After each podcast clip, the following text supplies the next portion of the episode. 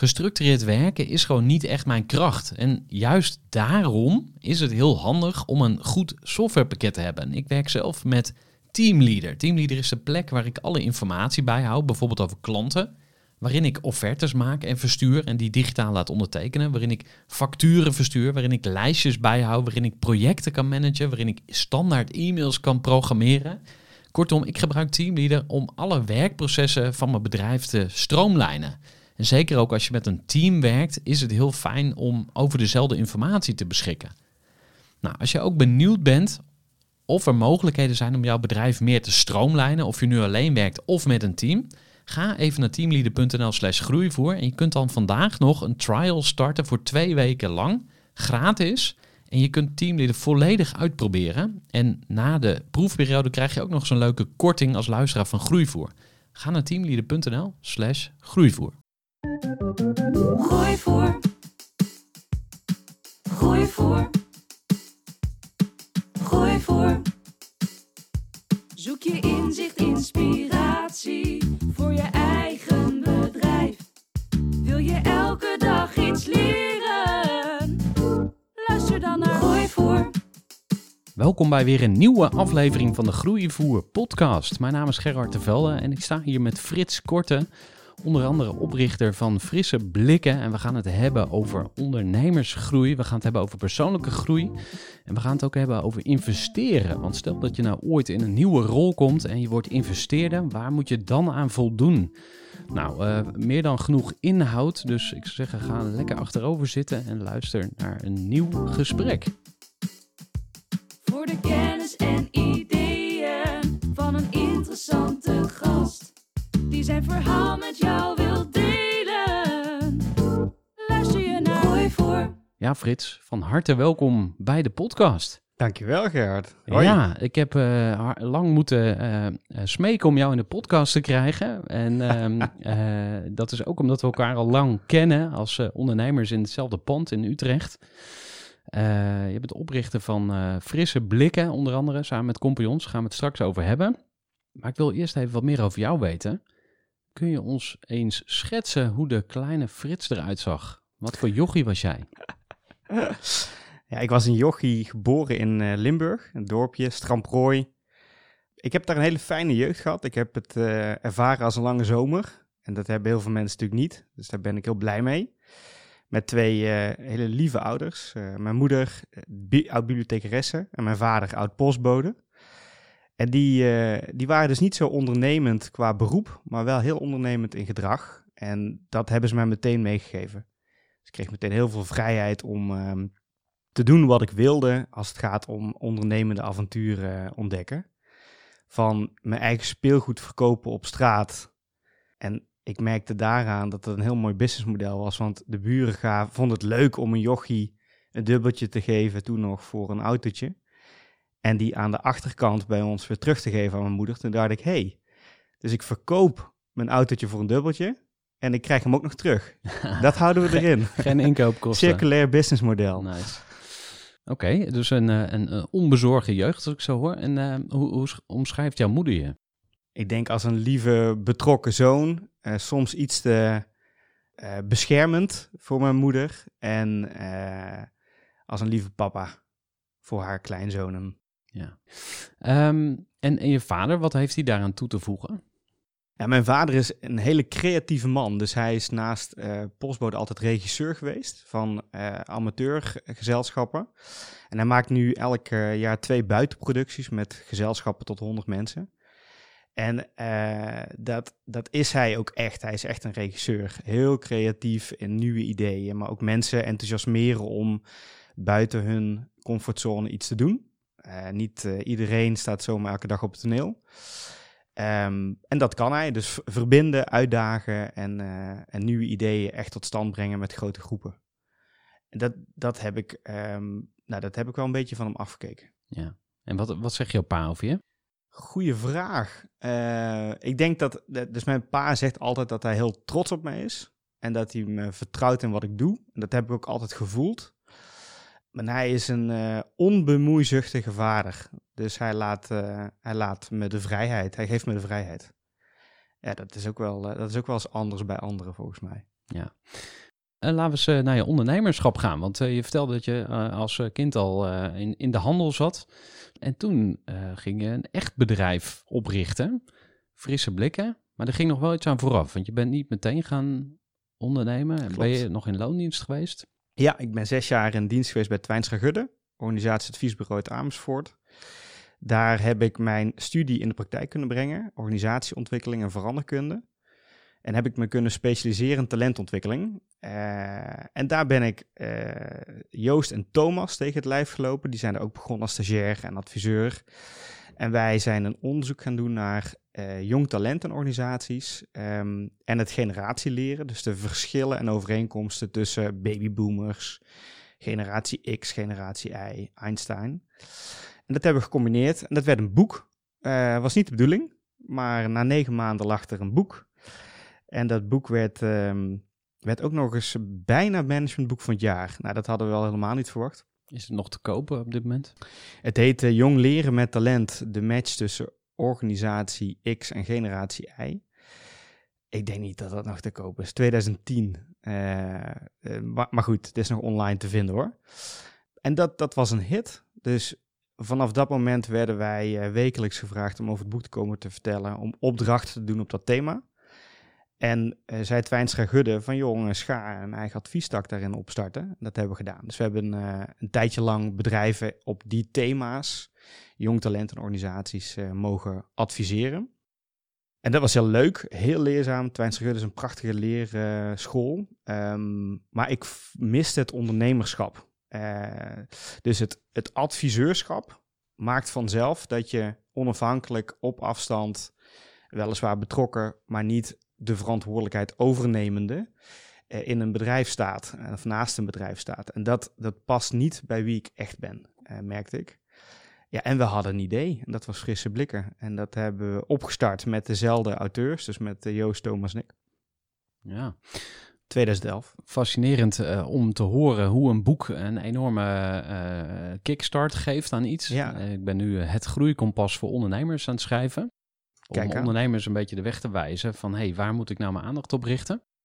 Eh, Dus ik hoop dat dat ook eh, zo goed gaat werken. En eh, het tweede wat me opviel is dat eigenlijk de grootste angst van veel werkgevers hebt uitgevoerd. Namelijk, ze beginnen voor zichzelf. Ja. Weet jij nog hoe er gereageerd werd? Nou, dat, dat, daar heb ik veel van geleerd. Twijnstra Gudde ehm, vond het jammer, maar gunde het ons enorm. En hebben dat nooit in de weg gezeten. Dus ja, weet je, dat is... eh, Dat hebben we later zelf ook gemerkt, dat als hele goede mensen weggaan, dan vind je dat zelf enorm eh K. Maar ehm, het helpt enorm, ook richting de toekomst voor hen, maar ook voor jezelf, om op een hele goede manier afscheid te nemen, zodat je daarna weer verder kunt. Dat heb ik er echt van geleerd. Ja, en hoe doe je dat dan? Wat is goed afscheid nemen? op een warme manier er live bij stilstaan. Dus met een moment om het te vieren, om ook mensen te bedanken. ehm, mensen hun ei- op hun eigen manier afscheid te laten nemen. Maar nooit door de achterdeur of eh, op, een, eh, op een vervelende manier. Dat, dat, eh, dat gebeurt wel eens, uiteraard. Maar liever niet. Nou, dat vind ik wel een uitdaging. Ondernemer zei ooit tegen mij van het is heel makkelijk om met champagne te beginnen, maar het is veel moeilijker om met champagne te eindigen. Want ja, de, de sfeer is al een beetje verziekt. Nou, jij zegt van ja, je moet daar dus toch werk van maken en iets verzinnen waardoor je wel warm afscheid kunt nemen. Ja, het, ehm, het gekke is, Gert, dat, dit, dat we bij Frisse Blikken dus een bedrijfsconcept op, hebben ontwikkeld waarin de core business afscheid nemen is. Hmm. van mensen, omdat ze maximaal maar drie tot zes jaar eh, mogen blijven werken bij ons of willen blijven werken bij ons. Daar hebben we het zo wel over. Ja. Dus, dus ik heb er wel wat ervaring in. Ja, precies. Het Maar zat altijd- ingebakken in Als het model. kan door de voordeur. Ja. Nou, laten we daar maar eens eh, lekker induiken dan. Want eh, jullie hadden een business idee, of eigenlijk waren jullie al, het al aan het doen. En toen dacht je van, hé, hey, dit gaan we voor onszelf doen. Ja. Frisse blikken, die naam werd ook zomaar gevonden. Ja, echt onder de douche. Oké, top. Ja. Ideaal. En toen, want er zijn zoveel ondernemers met een idee. eh, maar dan moet je het ook nog even gaan doen. Wat waren jullie eerste stappen? Misschien heel even hoe we op het idee kwamen. Ja. Is dat, is natuurlijk, dat, dat is zo'n Eureka-momentje wat heel veel ondernemers eh, zoeken. Ehm, maar dat hadden we dankzij een onderzoek, wat aan de grondslag lag van het boek. Wij kwamen erachter dat 83% van de hoogopgeleide studenten zegt: Ik wil en ga een keer ondernemen. Dat is veel, hè? Nederlandse hoogopgeleide studenten. En we kwamen er ook achter dat 1% het daadwerkelijk doet direct na hun studie. En dat is heel weinig, ook als je het vergelijkt met andere landen. En die twee percentages die bleven in ons hoofd zitten. Van hoe kan het nou dat in Nederland dat zo ver uit elkaar ligt? En waar lag dat aan? Het lag aan geen toegang tot netwerk op die jonge leeftijd, geen toegang tot kapitaal, geen, geen idee wat ik echt wil gaan doen en eh, geen ervaring. En, en ook wel een stukje zekerheid zoekend, omdat het in Nederland gewoon heel goed geregeld is voor eh, starters. Wij kwamen eigenlijk op het idee, hoe kun je ervoor zorgen dat eh, die jonge mensen die die vijf kwaliteiten van een ondernemer nog missen, dat versneld kunnen krijgen. Dus hoe krijg je versneld ervaring, versneld toegang tot netwerk, tot, tot kwaliteit, tot kapitaal. En dat is frisse blik geworden. Dus een, uh, een springplank naar ondernemerschap, dat was het en is het idee. Uh, waarbij je uh, jonge ondernemende professionals drie tot zes jaar lang opleidt om ondernemer te worden. Het ze laat ontdekken ook echt. En tegelijkertijd hun ideeën, kwaliteiten en tijd inzet bij grote bedrijven die juist die ondernemende slagkracht nodig hebben op thema's waar je jonge mensen op kunt inzetten. Ja. En daar is dus blijkbaar markt voor, dat wisten jullie ook al. Dus dat maakte de stap misschien wat. Ja, wij werkten voor die grote bedrijven ja, en we zagen dat in veel teams waar um, nou, waar echt wel wat ondernemende slagkracht miste, uh, het inzetten van een jong iemand heel erg kan helpen. In combinatie met zeg maar, de ervaring van de wat oudere collega of de wat meer ervaren collega. Uh, ja. Die combinatie werkt goed. Ja, hey, en toen, uh, ja, ik herinner me natuurlijk nog hoe jullie het pand binnenkwamen. Ja, jij was de eerste, ik, wij, ja, wij de ja, tweede. Ja, precies. dat zal ik tot in een eeuwigheid blijven herhalen. maar we gingen inderdaad in hetzelfde pand. En ik, zag, ik zie jullie nog zo staan schilderen daar. En ja, ik vond, het, ik vond het tof. Ik dacht van, hey, dit, dit is een plek. Jullie zijn echt een plek aan het creëren. Jullie hadden een visie. Je hebt het net ook uitgelegd. Maar kan je iets vertellen over die beginfase? Wat, ehm, welke stap heb je toen gezet? Ja, die beginfase, dat, dan um, ben je, die, is super gaaf. En die gaat alle kanten op. Dus je ervaart elke dag, oh, wat, wat, wat moeten we nog allemaal en wat kunnen we nog allemaal ontwikkelen en doen en maken en bedenken? Van een logo tot een website, tot um, inderdaad uh, het pand poetsen en schilderen. Tot het vinden van eerste collega's, eerste frisse blikkers en eerste uh, klanten. Uh, en dat, dat, dus het is een hele bijzondere tijd. die eerste, nou, laten we zeggen, eerste jaar, eerste twee jaar. waar ik nog met veel plezier aan terugdenk. Maar ook ook uitdagend. Dus we hebben ook echt wel moeilijke momenten gehad. We zijn met z'n drie gestart. Waarbij uh, uh, onze, onze derde compagnon Thomas helaas heel vroegtijdig ziek is geworden. Um, ja, dat, dat gun je niemand en dat wil je niet. En het heeft er ook toe geleid dat wij met z'n tweeën verder zijn gegaan. En dat was natuurlijk van tevoren niet de bedoeling. dus daar hebben we ook moeten leren hoe het is om, om afscheid te nemen van, van bijvoorbeeld een compagnon. Um, ja, ik denk dat we daar niet, dat we daar alle drie niet met plezier op terugkijken. En daarin fouten maken. Daar, daarin hebben wij ook fouten gemaakt. Ja, en uh, uh, ik probeer altijd uh, dat soort leermomenten te benutten om anderen te helpen om die te voorkomen. Ja. En wat is dan een les die bij jou bovenkomt? Heel concreet en ook heel, heel zakelijk. Maar wij hadden het juridisch niet goed, niet goed afgetikt in de aandeelhoudersovereenkomst. Om een situatie als die um, te voorkomen of uh, ermee om te gaan. Uh, dat is een beetje de, het, het, harde antwoord. Het wat zachtere antwoord is denk ik dat je als kompions moet leren om elke maand het moeilijke gesprek te voeren over... hey, hoe gaat het met ons? Hoe gaat het met jou? En hoe gaat het nou echt? En dat reflectieve gesprek, um, ik merk dat je, ik zelf ook gehad, maar dat je in een groeitijd, waarin het heel goed gaat, maar ook in een tijd waarin het heel slecht gaat, dat soort gesprekken soms niet de tijd gunt. En die moet je blijven voeren. Zeker met compagnons.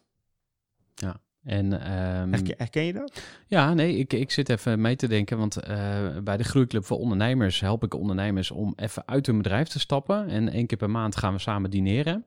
En daar zie je dus ook onderrondjes uh, tussen ondernemers. En um, uh, dat is een werkvorm. Dus dat is een manier om ondernemers even uit de dagelijkse uh, sleur te halen, als het ware. Ja. en ik heb een aantal ondernemers waar ik één op één mee werk.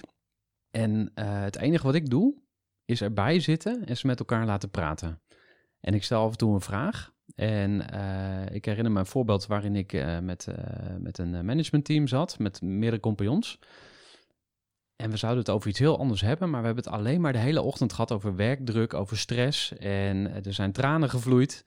En ze bedankten me. En Gerhard, wat fijn dat we ons hart konden luchten. En ik dacht echt van, ik heb niks gedaan. Ik heb er alleen maar bij gezeten. Uh, Ja, maar, maar ze dat- hadden al heel lang dat gesprek niet gehad met elkaar. Van hoe gaat het echt met je? En ze Ja. zaten elkaar alleen maar op te jutten. Van kom op, we kunnen dit. En boom, boom, boom. En knallen en gaan. Ja.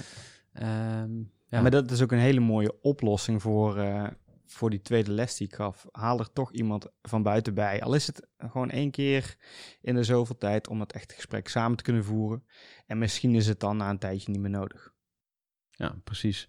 Eh, en het gaat denk ik ook over behoeften. Dus waar heb je behoefte aan? Soms, dat vind ik wel het voordeel van werken met compagnons. Ik heb natuurlijk ook twee compagnons gehad. En ehm, ja, ik zeg altijd, er zijn nog steeds vrienden, maar geen compagnons meer. Eh, nu mis ik wel eens een compagnon, met name bij groeivoer, omdat je dan ook af en toe even uit de wind kan lopen. En soms heb je gewoon die behoefte om niet altijd voor op die boot te zitten en gewoon even te kunnen chillen. Ja, wat dat betreft, ik, ik denk dat het heel waardevol is om met compagnons te werken.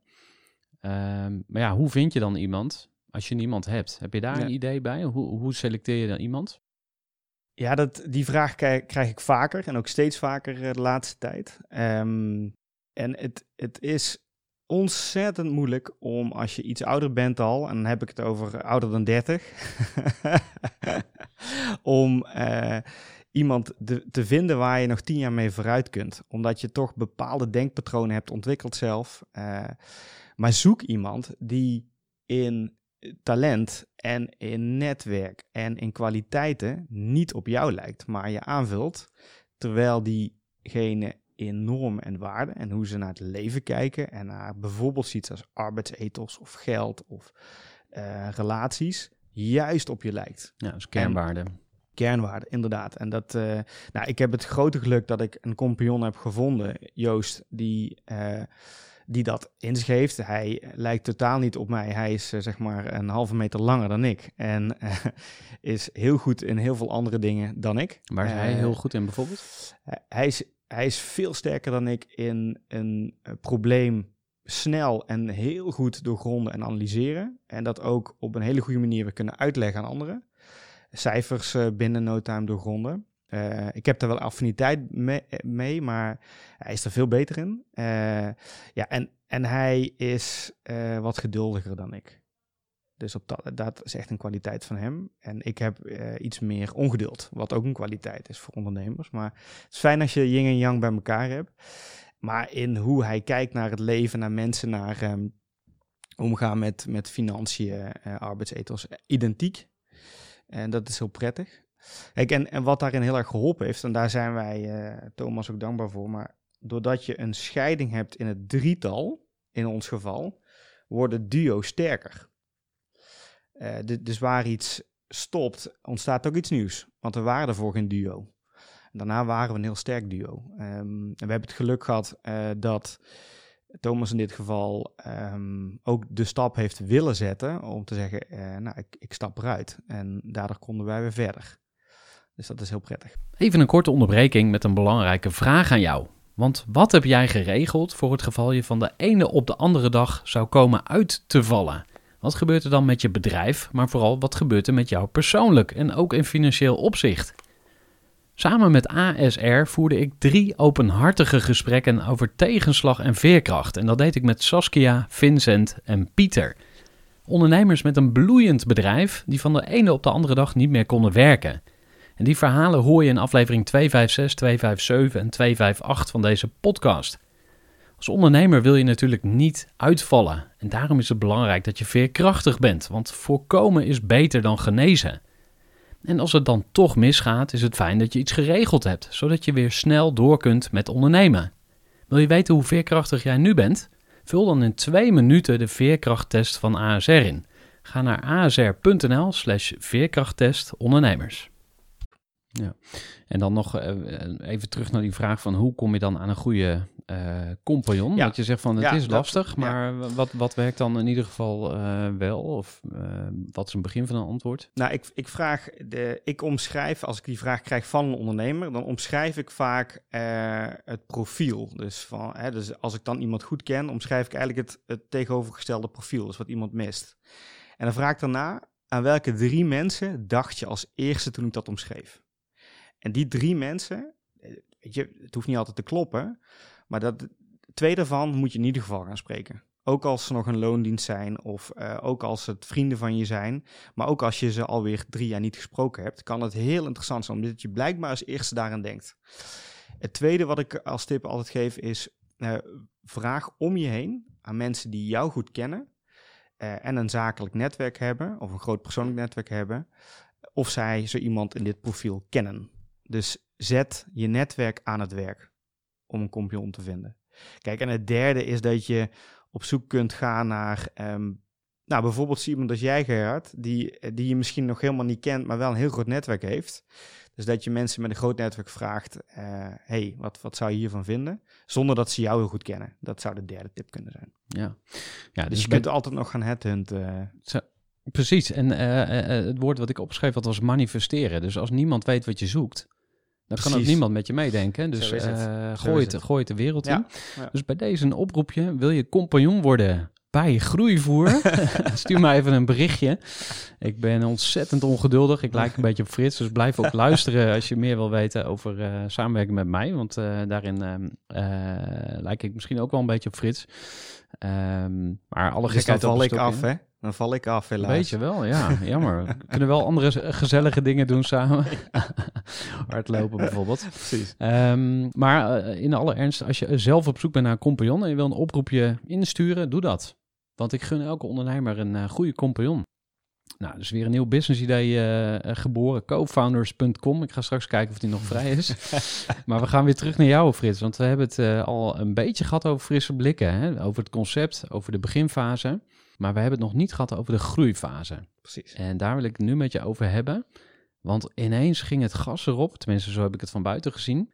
Neem ons eens mee in die onstuimige tijd. Ja, dat was eigenlijk in het tweede jaar dat, eh, en zeker in het tweede tot vijfde jaar, waarin een enorme eh, groeifase ontstond. Eigenlijk twee groeifases. In die eerste fase eh, was het, ehm, nou, het, het- de basis stond, het concept was heel goed, merkten we aan klanten, met name opdrachtgevers, en aan de arbeidsmarkt. Dat zijn de twee kernpunten voor ons. Dus als je een aantrekkelijke werkgever kunt zijn voor dat jonge ondernemende toptalent, en je hebt een heel mooi klantportfolio, dus van nou, eigenlijk alle bekende merken in Nederland en daarbuiten. Eh, Heineken, KLM, Arcadis, eh, Rabo, ING, ABN. Nou, we hebben voor en werken voor allemaal. Eh, dan kun je hard groeien. En we, hadden een, we hadden een plek die op de groei was eh, gehuurd. Dus we begonnen met z'n drie in een ruimte van 200 vierkante meter. Eh, nou, inmiddels is het volgens mij 600 vierkante meter. En zitten we ook in Eindhoven, naast Utrecht en eh Yogyakarta. Dus het is heel hard gegaan. In Yogyakarta inderdaad. Fre- Freshforces.com of zo? Is dat, dus ja. Of hoe, hoe werkt dat? Nou, in Yogyakarta zitten onze collega's die, die het online web- en app development verzorgen. Er zitten tien collega's. Eh, waardoor wij ook een digitale groeispurt hebben kunnen maken. Eh, dat was heel mooi, is heel mooi. Maar die, ja, die groeifase, dat, dat gaat dan ehm, eh, heel hard. En ik denk dat het is gekomen door focus. Dus we hebben altijd vastgehouden aan hetzelfde concept. We hebben het businessmodel in die eerste zes jaar niet omgegooid. We, zijn ehm, ehm, met heel veel goede mensen hard gaan groeien. En dat, dat begint bij heel goed recruiten. En dat, eh, dat hebben we, daar hebben we een kunst van gemaakt, denk ik. Ja, misschien kun je dat eens uitleggen, want dat is volgens mij op dit moment eh, ook een groot probleem voor heel veel ondernemers. Tenminste, ik spreek veel ondernemers en dan zeg ik van, oh, hoe gaat het? Ja, goed Ger, maar eh, ik heb zoveel vacatures, ik kan niemand vinden. Ik zeg, oh, nou, dan moeten we het eens over je recruitment hebben. Nou, jij zegt, daar, zijn wij heel, daar waren wij heel goed in. Wat, wat- hoe, hoe pak je dat aan? Ja, ik, ik zou dat kunnen eh, opsplitsen in, in drie niveaus. Eh, het eerste is, ehm, je moet stoppen met denken dat jij het, talent eh, vindt wat je nodig hebt, maar het talent jou laten vinden, want daar is nu de markt voor. die bij jou past. En eigenlijk ben jij als werkgever een platform voor hun ontwikkeling voor een tijdje. Dus, dus denk niet dat je iemand voor tien jaar in dienst neemt. Eh begin eens met twee jaar te denken, eh, want dat is de realiteit. En eh, dus ga op de plekken zitten en online adverteren ehm, waar je denkt dat jouw talent aan het zoeken is. Eh, en zorg dat je een, een website hebt die heel transparant, heel eerlijk vertelt wat jij hen te bieden hebt. eh, op een manier die bij hen past. En dat verandert elk jaar. Hè? Dus eh, toen wij begonnen was het net social media. Ja, en nu gaat het natuurlijk alle kanten op. En dat is weer heel anders dan tien jaar geleden. Blijft dat ontwikkelen. Het, het tweede is dat je je belofte moet waarmaken. En dat, is, dat klinkt vaag, maar dat is heel simpel. Als jij in je recruitmentproces, dus in je sollicitatiegesprekken en op je website, dingen belooft die er nog niet zijn, dan ga je nat. Eh, dus talent heeft heel snel door in een eerste half jaar, oké, hier ga ik echt groeien. Hier ga ik mezelf ontwikkelen en het klopt wat ze mij hebben beloofd. Of hé, hey, maar dat was een praatje voor de bühne. Eh, en dan heb je eigenlijk iemand die ontevreden is, waar je afscheid, die afscheid van jou gaat nemen, waar je in hebt geïnvesteerd. Eh, en dat is heel zonde. Maar diegene vertelt het ook aan honderd anderen, of aan tien anderen, of aan, hè, en die tien vertellen het weer door. Dat is heel slecht voor je arbeidsmarktimago. En het derde, dat is iets filosofischer, maar daar hebben wij, eh, denk ik, alles op ingericht bij Frisse Blikken. Dat zijn de drie V's. Vrijheid, verantwoordelijkheid en vertrouwen. Als je eh, jong talent, maar dat geldt ook voor ervaren talent, veel vrijheid geeft, met veel verantwoordelijkheid en waarbij ze ook heel veel vertrouwen geeft. Dus dat je er ook bent als het lastig is en ze beschermt als het niet goed gaat. Eh, en de mensen komen in een rol die ze ook aankunnen, of die ze, nou ja, ook voor een tijdje op hun tenen aankunnen. Mag ook. Ja, dan heb ik heel veel mooie voorbeelden van hoe mensen hard kunnen groeien en daarmee je bedrijf ook hard laten groeien. Dus oftewel, richt het goed in, maak je beloftes waar. En tot slot de drie V's, vrijheid, verantwoordelijkheid en vertrouwen. Ja, nou, we kunnen dit gewoon eruit knippen en als masterclass uh, recruitment online zetten. Dankjewel, Frits. En uh, we gaan weer even terug naar het, uh, het, de, de waar je het net over had. Hè? Je zei van die zes jaar, op een gegeven moment kwamen we in, in een soort hypergrowth. Hè? We gingen echt in een hogere versnelling groeien. Dat was te danken aan focus. Uh, kun je ons uh, iets vertellen over de getallen? Dus uh, van hoeveel naar hoeveel medewerkers gingen jullie, omzetten, dat soort dingen. Wat, wat voor groei hebben we het over? Ja, wij zaten, ik denk, nou, dan, dan reken ik iedereen mee, dus inclusief de, oprichters en stagiairs, en na een jaar op, op of na negen maanden op tien man en vrouw. Um, en ik denk na twee jaar uh, op, op 20 en na vijf jaar op, op 60 en in jaar acht zaten we op 100 man. Um, het is nu, uh, gaat het weer richting die 100. Dus we hebben ook een coronadip gehad uiteraard, maar het gaat weer heel goed. Uh, en dan moet je denken aan op de top zaten we op bijna 11 miljoen euro omzet. en daar, die kant gaat het nu weer op. Um, ja, en dat, dus we maken, we draaien nu omzetten die we maandelijkse omzetten die wij in, het, uh, in de eerste negen maanden draaiden. Die draaien we nu per maand. Dat is natuurlijk fantastisch.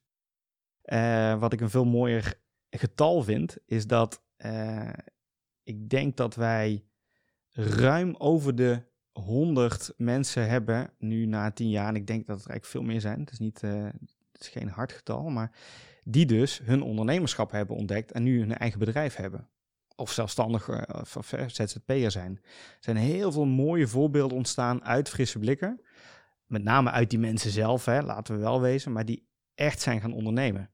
Van Wilderland, die dus um, kruiden inzaaien op stukjes land bij boeren en daar Nederlandse thee van maken. Ja, je had Tot, hem ook genomineerd voor de podcast, uh, ja, toch? Echt ja, super mooi circulair uh, concept en uh, heeft totaal niets te maken met wat we bij Frisse Blikken deden. Maar het zijn twee ondernemende gasten die dat gestart zijn en die bij ons werkten. Nou, er is ook een bedrijf ondernemende gasten. Drie jongens, uh, ook oud-collega's, die uh, bedrijven helpen om ondernemender te worden. Op een hele leuke manier. Uh, je hebt ook het bureau Opschudders opgericht, mede opgericht door de eerste frisse blikker, Annika. En die zijn alweer met, met, met twaalf jonge mensen. Dat is een soort design- en ontwikkelbureau. En ga zo maar door. Er zijn echt talloze voorbeelden van, uh, van ondernemers die, en ondernemingen die na frisse blikken opgericht zijn. Superleuk. Ja. Daar was het voor bedoeld, hè? Ja, dus dat, dat is, eh, als ik jou vraag, wat is je definitie van succes? Misschien wil je Ja, een poging kijk, wagen. Ja, dat is heel lastig, want dat is heel persoonlijk. Ik vind succes. eh, ik, ik vind succes als je lekker in je vel zet, zit en gelukkig bent in een bedrijf wat meer betekent voor ehm, de wereld dan alleen iets voor jezelf. Dan ben je echt een succesvol ondernemer. Als het je ook in euro's meer oplevert dan het je kost. Als het een bedrijfsconcept is wat eh, verliesgevend is, dan heb ik het niet over de grote tech-jongens die eh, honderden miljoenen eh, ja. ver- verlies financieren. Dat is een andere, ja. andere wereld. Ben ik niet zo van. Maar als je dus een, eh, op termijn een, een zwart, zwarte cijfers draait en je bent zelf gelukkig, zit lekker in je vel en anderen ook dankzij jouw bedrijf, dan ben je heel succesvol, denk ik. Het kan zijn in, een, in een concept van twee personen tot in een concept van 2000 personen. Dat maakt daar niet zoveel uit. Ik vind daar geen onderscheid eh, in zitten. Ehm, ik wil even terug nog naar het groeiverhaal eh, van, eh, van Frisse Blikken. Want we hebben het natuurlijk gehad over die omzetgroei, over winstgevendheid, over eh, recruitment. Ehm, maar jouw rol, daar wil ik het ook even over hebben. Want ik kan me voorstellen dat je in het begin zit je met een paar man eh, slash vrouw. En dan, nou, hè, die, die eerste jaren, dat is allemaal gezellig meestal. Of Ja. in ieder geval overzichtelijk. Maar op een gegeven moment al die mensen en al die namen onthouden. En dan moet je ook nog tegen iedereen aardig doen. Hoe, hoe, eh, hoe is jouw rol eh, ontwikkeld, zeg maar? Hoe ben je zelf meegegroeid? Tot het punt dat je dacht van nee, ik, dit is het niet meer. Ja, dat is een hele reis geweest. Dus in het begin ben je onderdeel van, van de groep. eh, ook al omdat je bijna dezelfde leeftijd hebt, ietsje ouder bent, iets meer ervaren, maar nou, vergelijkbaar. En ben je eh, onderdeel van een hele kleine groep. Eh, dus kent iedereen elkaar en ben je bijna een soort vriendenclub die, eh, wereld, die de wereld aan het veroveren is. En eh, toch vrij snel merkte ik, en, en Joost denk ik ook, dat we logischerwijs ook naast of buiten de groep staan omdat je in, in de ogen van de ander ook de leidinggevende bent. En, of de baas, nou, dat vind ik een verschrikkelijk woord, maar eh, zo is het nou eenmaal. Dus je kunt wel onderdeel zijn van het geheel of eh, diezelfde collega willen blijven die je was. Maar in de beeldvorming van anderen, zeker als je hard groeit en een serieus bedrijf aan het worden bent, dan komen er ook mensen binnen die daar een andere beeld bij hebben. En dat, dat heb ik wel even moeten laten bezinken. En eh, daar moet je gewoon even doorheen. Want eh, het is zoals het is, maar het is niet per se wat je leuk vindt of wil. Eh, dus daar moet je op aanpassen. Maar wat bedoel je precies? Want je zei, dan komen er mensen binnen die daar een ander beeld bij hebben. Wat, Ja, heb je mensen daar die. een eh, voorbeeld bij? Nou ja, dat kan gaan tot ehm, eh, eh, mensen die bijvoorbeeld voor het eerst bij ons komen werken en die toen we al met ehm 50 man waren.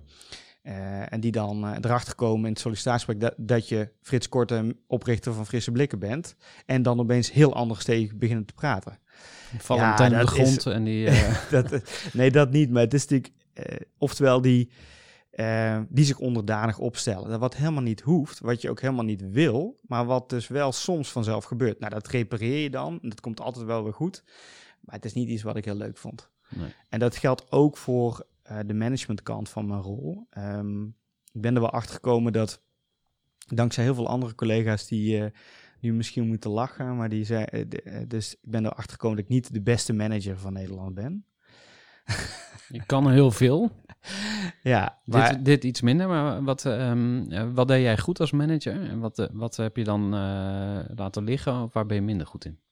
ik denk dat ik, ik denk dat ik goed ben in het herkennen van iemands talent, ook al is dat nog latent voor de ander. En hen te prikkelen en te motiveren om het eh, eruit te halen ehm, zelf.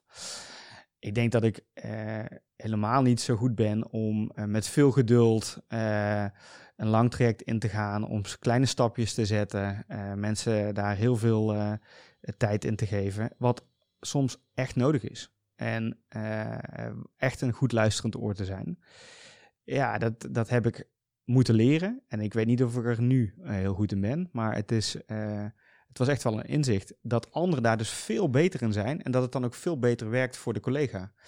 Ja, dan moet je een stapje opzij doen in die rol. En ehm, dat geldt ook voor het aansturen van het bedrijf. Dus je komt er al gauw achter dat gedoe uiteindelijk altijd omhoog kruipt.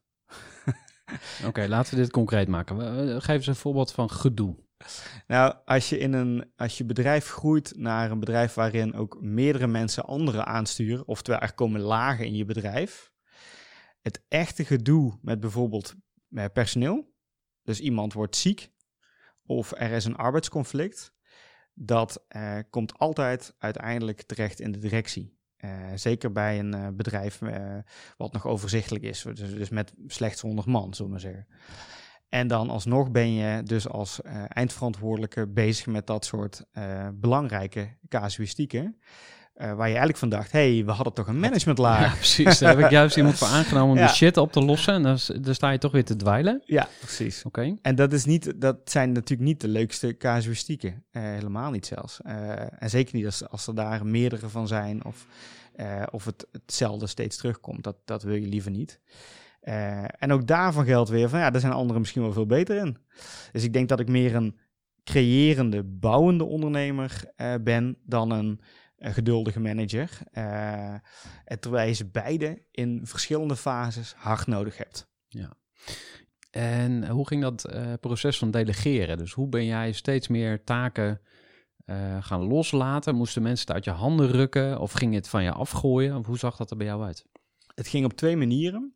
Dus wat wij als eerste hebben gedaan is eh, alle randzaken, dus IT, facilities, finance, legal, eh, marketing, eh, dus, dus zeg maar dus de secundaire processen, stafprocessen, daar zijn wij goede mensen voor, eh, voor gaan aannemen en dat hebben wij buiten onze eh, portefeuille gedelegeerd. Dat is, dat is nog makkelijk, zeker als je de goede mensen ervoor hebt. En budget? En budget, onbelangrijk. ja, ja, maar soms gaat de, de kost wel echt voor de baat uit. Zeker daarin, omdat het. je, je merkt bijvoorbeeld een recruitmentproces goed optuigen door iemand die daar echt van is. Wordt veel beter en gaat veel sneller. En levert veel meer op dan dat je het allemaal zelf blijft doen. Echt. Eh, dus, dus dat was stap 1. Veel meer tijd voor jezelf creëren als het gaat om klanten binnenhalen en mensen en projecten begeleiden. En alle randzaken wegdelegeren eh, naar goede mensen. Dat is stap 1 geweest. En stap 2 is geweest is dat je eh, in ons geval het proces richting opdrachtgevers, dus sales en projectbegeleiding, maar ook richting collega's, namelijk binnenhalen en begeleiden en ontwikkelen van mensen, dat je dat ook delegeert naar eh, wat wij dan noemen de bliktrekkers. Het zijn nu de blikondernemers. Ehm, en dat zijn mensen die merken van, nou, ik kan ook wel meer mensen aan het werk houden. En ik vind het leuk om mensen te begeleiden. En ik vind het ook leuk om eh, klanten te begeleiden en, en werk binnen te halen. Eh, nou, dat, dat heeft een enorme groeispurt opgeleverd. En dat gaat weer over, om die drie V's. Dus als je iemand herkent die eigenlijk in een aantal dingen op jou lijkt of beter is in ehm, een aantal zaken, dan moet je die heel gauw echt verantwoordelijkheid geven. En in ons geval, en dat raad ik eh, iedereen aan die eh, in een bedrijf werkt waar mensen centraal staan, heeft heel erg geholpen om ze ook eigenaar te maken van het bedrijf. Hmm. Eh, en da- dat is natuurlijk echt delegeren, hè? dat is echt loslaten. Ja, want delegeren betekent letterlijk het afstaan van rechten. Ja. Heb ik een keer opgezocht. Dus Ja. echt, je, je, je, je geeft een recht aan iemand, in dit geval dan misschien wel stemrecht of in ieder geval voor een percentage. Wat, wat ehm, misschien heel kort even over de techniek. Hoe doe je dat dan precies, iemand bij de eigenaar maken? Moet hij zich inkopen? Eh, zo ja, waar koopt hij zich dan in bijvoorbeeld? Misschien te, te veel in detail, maar Ja, dan moeten we opletten dat het niet te technisch en detailistisch wordt, maar, want er zijn heel veel verschillende manieren voor. En die vraag die jij nu stelt, die krijgen wij dus nu ook heel vaak. Hoe hebben jullie dat gedaan? Hoe zou je mij dat eh, laten doen? Dat, die vraag krijgen we vaak van ondernemers. Ik vind het leuk om ze bij te helpen. Eh, hoe wij het hebben gedaan, is dat wij een eh, stak hebben opgericht, Stichting Administratiekantoor, waarbij certificaten van aandelen worden uitgegeven aan eh, sleutelfiguren eh, binnen de onderneming. Dus eh, medewerkers, collega's die, waar, waar je het in ziet, die een groeifactor kunnen blijven in het bedrijf en die je wil belonen en, en verbinden voor langere tijd aan dat bedrijf door middel van eigendom. En een certificaat zorgt ervoor dat je met de vruchten, de lusten en lasten kunt meeliften op het bedrijf. Eh, en dat is wel degelijk een eh, zakelijk model. Dus ze, moesten het, eh, ze moeten het kopen. Dat vonden we ook belangrijk.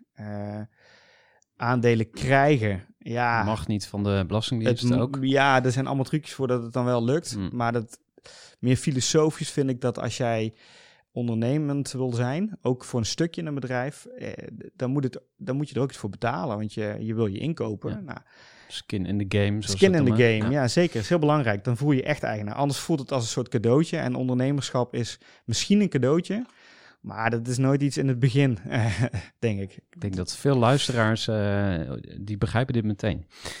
Omdat ze de pijn gevoeld hebben. Ja, Eh, tuurlijk. ja. ja. Ja, die mag je ook delen.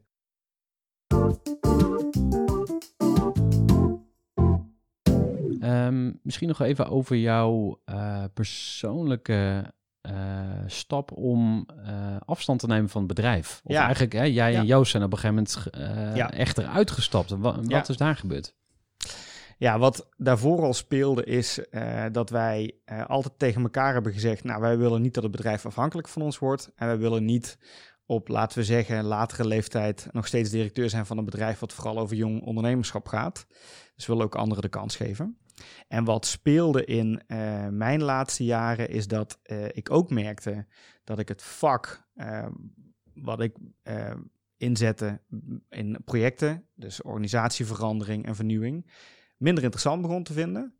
En dat ik ook zoiets had van, goh, er zijn nog zoveel andere dingen die ik wil doen in mijn leven met mijn ondernemerschap. Ik zou wel een stap willen zetten buiten frisse blikken. En er waren eh, drie collega's die directeur ready waren. En die ook zoiets hadden van, eh, nou gasten, kom maar op. Eh, inmiddels zat Matthijs van Duurling al in onze directie, verantwoordelijk voor Eindhoven, maar in, dat, die tijd ook verantwoordelijk voor het geheel had ik een hele goede opvolgster in Lonneke Nouwens. Die, die kwam van buiten, maar groeide snel en nam mijn rol over. Ik kon uit de directie stappen. En Thijs de Wert, onze eh nou, langzittende collega, eh, nu tien jaar in dienst, ja, die groeide door tot opvolger van Joost. En eh, toen zij in de directie zaten, eh, rond die tijd werd er ook op de deur geklopt. En dat was door een Sinterklaas. ja, Hij had hele diepe zakken, ja, maar het was niet Sinterklaas. Ja, het is ook een lang verhaal waar we, zeker eh, hè, een exit, daar kun je ook een podcast over vullen. Eh, hele intensieve tijd, eh, heel interessant, heel leerzaam. Echt weer een leermoment als ondernemer. Maar er waren een aantal partijen die interesse hadden en wij hebben gekozen voor eh, Antea. Dat is een investeringsmaatschappij uit Den Haag. En die zei, die zei eigenlijk, supergoed bedrijf, mooi concept, mooi merk, sterke strategie en een goed management. Dus blijf doen wat je doet. Wij gaan op afstand zitten en we willen eh, een kleine meerderheidsaandeelhouder worden. ehm, waarbij we faciliteren dat het management en andere belangrijke sleutelfiguren kunnen groeien als aandeelhouder in het bedrijf. Waarbij Joost en Frits een stapje opzij kunnen doen, maar wel nog aandeelhouder blijven. Dus we zijn nog steeds mede-eigenaar van, van Frisse Blikken operationeel helemaal op afstand en ze runnen het fantastisch. Ze hebben ook de coronacrisis enorm sterk eh, eh, geleid, vinden wij. Ja, en eh, het, de situatie is dat eigenlijk drie partijen aandeelhouder zijn van het bedrijf. Het management en een aantal medewerkers, de oud-oprichters en een investeringsmaatschappij. En dat, dat werkt tot nu toe supergoed. Dus dat is wel heel prettig. Heb je niet gedacht van, ik moet er helemaal uit? Of waarom, waarom hebben jullie nog eh, aandelen aangehouden? Nou, allereerst omdat we helemaal niet frisse blikken moe zijn. Dus wij, wij zijn nog steeds verliefd op het eh, bedrijf en op het mooie concept wat zich door blijft ontwikkelen. Dat, eh, dat zie je nu ook weer. Hè? De, de, de club mensen, niet alleen de directie hoor, heel veel anderen die dat bedrijf dragen. En ook elke nieuwe collega die weer binnenkomt, die werkt aan dat bedrijf. Dus het, het ziet er nu weer heel anders uit dan twee jaar geleden. Eh, er is een nieuw concept, fris publiek gelanceerd. Eh, er wordt weer nagedacht over nieuwe verdienmodellen. Dus het blijft in ontwikkeling. En dat is het DNA van een groeibedrijf. Eh, anderen de ruimte geven om te blijven bouwen aan de toekomst van dit bedrijf. Maakt dat het bedrijf succesvol blijft en dat je een ondernemend DNA houdt. Ook als wij er niet zijn. Ja. Ik, ik denk dat serieus, hè, de helft van de huidige collega's ons helemaal niet kent. Laat staan dat ze ons missen. Ik denk dat niemand ons eh, daarin heel erg mist. Maar eh, dat, dat vind ik, daar ben ik trots op. Ja. Dat het dus niet gaat over Joost en Frits, maar dat het gaat over frisse blikken. Nou, dat herken ik eh, toen ik een keer het kantoor van Eager People inwandelde. En tijdens de lunch keek echt niemand op. Terwijl vroeger, als ik binnenkwam, oh, Oh, daar ja. is Gerhard. En eh, toen was het denk ik van, het voelde, het deed een beetje pijn. Ja, dat je bent dacht- ook wel flink afgevallen, Gerard. Dat, Ja, dat, dat dat scheelt ook wel een hele hoop, denk ik. ja, altijd sporten. Hey, ehm, we hebben eh, altijd meer vragen dan tijd. En volgens mij dan ook hoogste tijd om naar jouw huidige tijdsbesteding te gaan. Want je hebt eh, ons uitgebreid meegenomen in jouw reis tot dit punt. Maar wat doe je dan vandaag de hele dag? Ja, nee, dat, dat- mijn leven ziet er echt anders uit. Dus ik eh, eh, ben op de eerste plaats eh, papa van eh, Boris en Vaas en eh, man van, van Lisette. En daar besteed ik heel veel tijd aan. En dat kan nu. Ze zijn eh eh 4,5 en 2, dus het is een hele leuke periode om dichtbij te zijn, vind ik. Eh, dus ik ben veel met de jongens op pad en, ehm, eh, en, en run het huishouden. Mijn vrouw is nu eh, ondernemer. Zij is een eigen praktijk gestart. en zij, nou dat gaat heel lekker. Hoe heet Dus, dat bedrijf? het bedrijf heet Doordromers. En zij is slaapcoach voor baby's en peuters. En eh, nou, dat, is wat ik doe. Daarnaast ben ik heel veel aan het sporten. Vijf dagen in de week. eh, zwemmen, hardlopen, squash, tennis. En met name in het uh, Amelis Weert gebied rondom Utrecht. Hartstikke fijn. Eh, voelt goed. En krijg ik veel vragen van ondernemers die ik ken. Dus met name vrienden en bekenden, oud-collega's die ik help met ondernemende vraagstukken. Soms ook met groeivraagstukken, maar soms ook met bijvoorbeeld... eh, eh, ik heb laatst een vraag gehad. Nou, we zijn twee compagnons, we hebben een VOF, 12 jaar samen. Het gaat niet meer, we willen afscheid nemen. Kun jij ons helpen om dat voor elkaar te krijgen? Want het lukt niet met z'n tweeën. Maar nu ook een vraag ehm, van een bestaand, eh, bestaand bedrijf. nu nog een stuk of vijf man. Eh, en zij wil een compagnon, heeft hij ook gevonden. hey, hoe kunnen we dat eh, goed regelen? Maar ook hoe kunnen we het goed op papier afspreken? Dat het ook succesvol wordt. Nou, daar help ik bij, omdat ik het leuk vind. Eh liefdewerk oud papier. En vooral ook omdat ik diegene ken.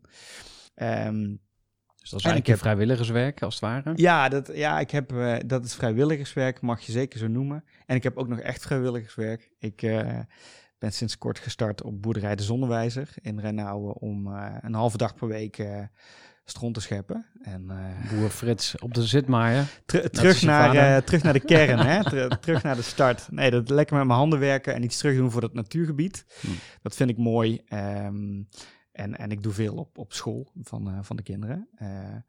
Ja, en met Joost ben ik lekker bezig. Dus wij zijn van alles aan het bedenken en aan het doen. We zijn wat, wat huizen hebben we verbouwd. Eh, we, we zijn in wat eh, fondsen en bedrijven gestapt. Eh, nou, en we hebben een plan voor de toekomst. En dat, daar hebben we veel zin in. Daar zijn we lekker mee bezig. Ja. Nog steeds samen. Ja, want even voor de luisteraars, hè, Joost, dat is natuurlijk jouw, jouw compagnon die al die tijd eh, eh, gehad hebt met, met frisse blikken. Jullie zijn dus nu samen aan het investeren.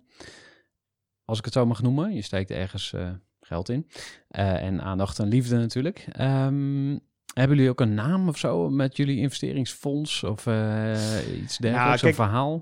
Jij noemt het investeren en investeringsfonds. Ik, ik denk dat dat... Hoe noem een, jij het dan? eh, nou, ik, ik noem het groeiversnellen.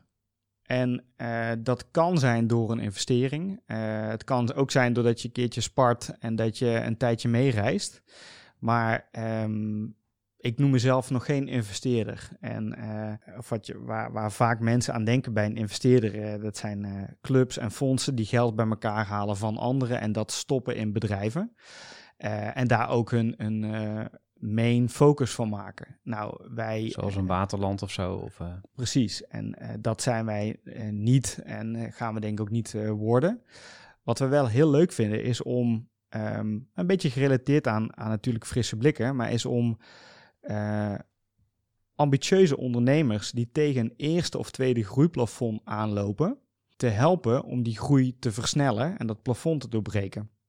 Heel concreet, concrete vragen zijn bijvoorbeeld, hoe kom ik nu van 20 collega's naar eh 100 man? Ik zou niet weten hoe, het lukt me al een tijdje niet. Eh, ik denk wel dat het kan met dit bedrijf, maar ik heb het eh, ei van Columbus nog niet gevonden. Nou, da- daar, daar kunnen we over meedenken, eh, want dat is ons wel gelukt. En eh, we denken ook wel te weten hoe dat zou kunnen in een eh, model waarin vooral mensen en techniek, dat vinden we heel belangrijk, centraal staan. maar ja, hoe, hoe moet je dan verder, zeg maar? Hoe pakken jullie dat dan aan? Dus ik klop bij jullie aan de deur, ik, ik zit op een groeiplateau. En dan? Ja. Nou, kijk, ik denk dat we ons daar bescheiden moeten opstellen. Hè. Het ligt natuurlijk heel erg aan wat voor type bedrijf je hebt en wat voor type ondernemer je bent. Goeie disclaimer. Maar al- als je, als je nou een ondernemer bent die eh, vooral eh, mensen en techniek centraal eh, hebt staan in je businessmodel, bijvoorbeeld software of IT-partijen of eh, digital agencies of eh, consultancybureaus, dan snappen wij de kern van je verdienmodel. En dan snappen we ook de kern van je organisatiemodel. En eh, op die twee vlakken, daar zit het heel vaak nog los even van jou als persoon, als ondernemer die driehoek, de ondernemer als persoon of de compagnons, het organisatiemodel en het verdienmodel, daar stokt ergens de groei of daar versnelt ergens de groei in. En op die driehoek kunnen wij ondersteunen. Dus bijvoorbeeld, welke organisatievorm past nou bij de toekomst?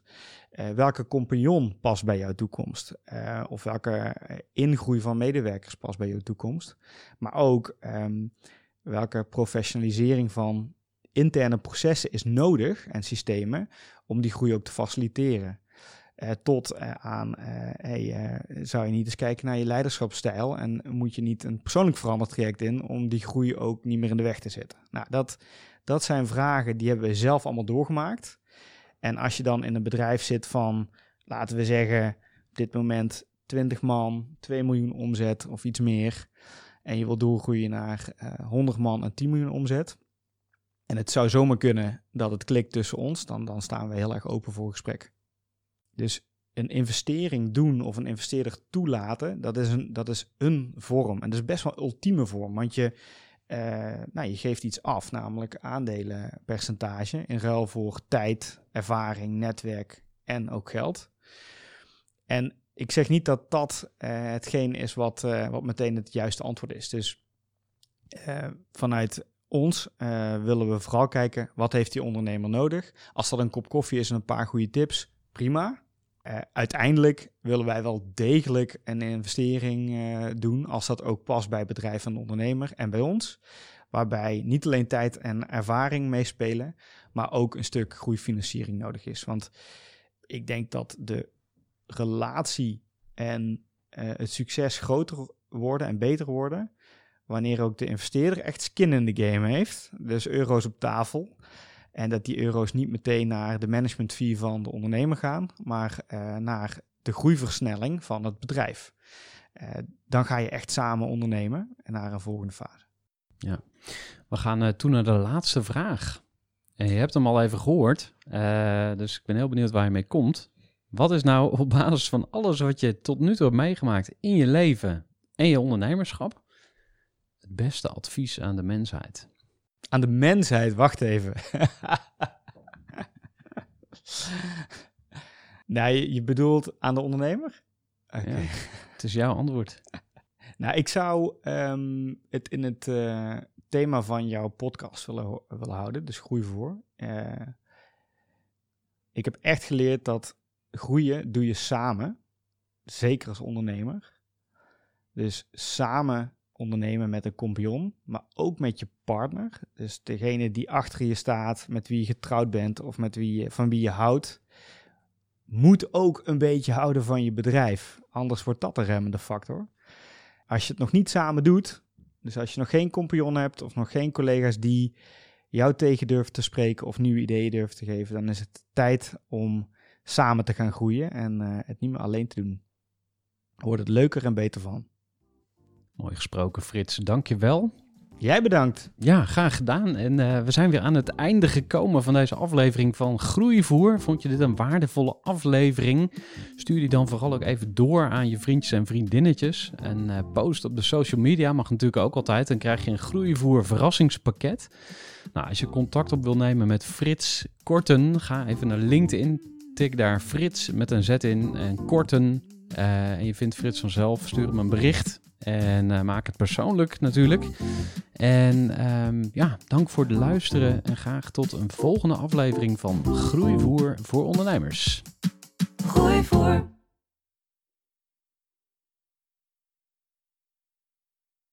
Gestructureerd werken is gewoon niet echt mijn kracht. En juist daarom is het heel handig om een goed softwarepakket te hebben. Ik werk zelf met Teamleader. Teamleader is de plek waar ik alle informatie bijhoud, bijvoorbeeld over klanten. Waarin ik offertes maak en verstuur en die digitaal laat ondertekenen. Waarin ik facturen verstuur, waarin ik lijstjes bijhoud, waarin ik projecten kan managen, waarin ik standaard e-mails kan programmeren. Kortom, ik gebruik Teamleader om alle werkprocessen van mijn bedrijf te stroomlijnen. En zeker ook als je met een team werkt, is het heel fijn om over dezelfde informatie te beschikken. Nou, als je ook benieuwd bent of er mogelijkheden zijn om jouw bedrijf meer te stroomlijnen, of je nu alleen werkt of met een team, ga even naar teamleader.nl slash groeivoer en je kunt dan vandaag nog een trial starten voor twee weken lang, gratis. En je kunt Teamleader volledig uitproberen. En na de proefperiode krijg je ook nog zo'n leuke korting als luisteraar van Groeivoer. Ga naar teamleader.nl slash groeivoer.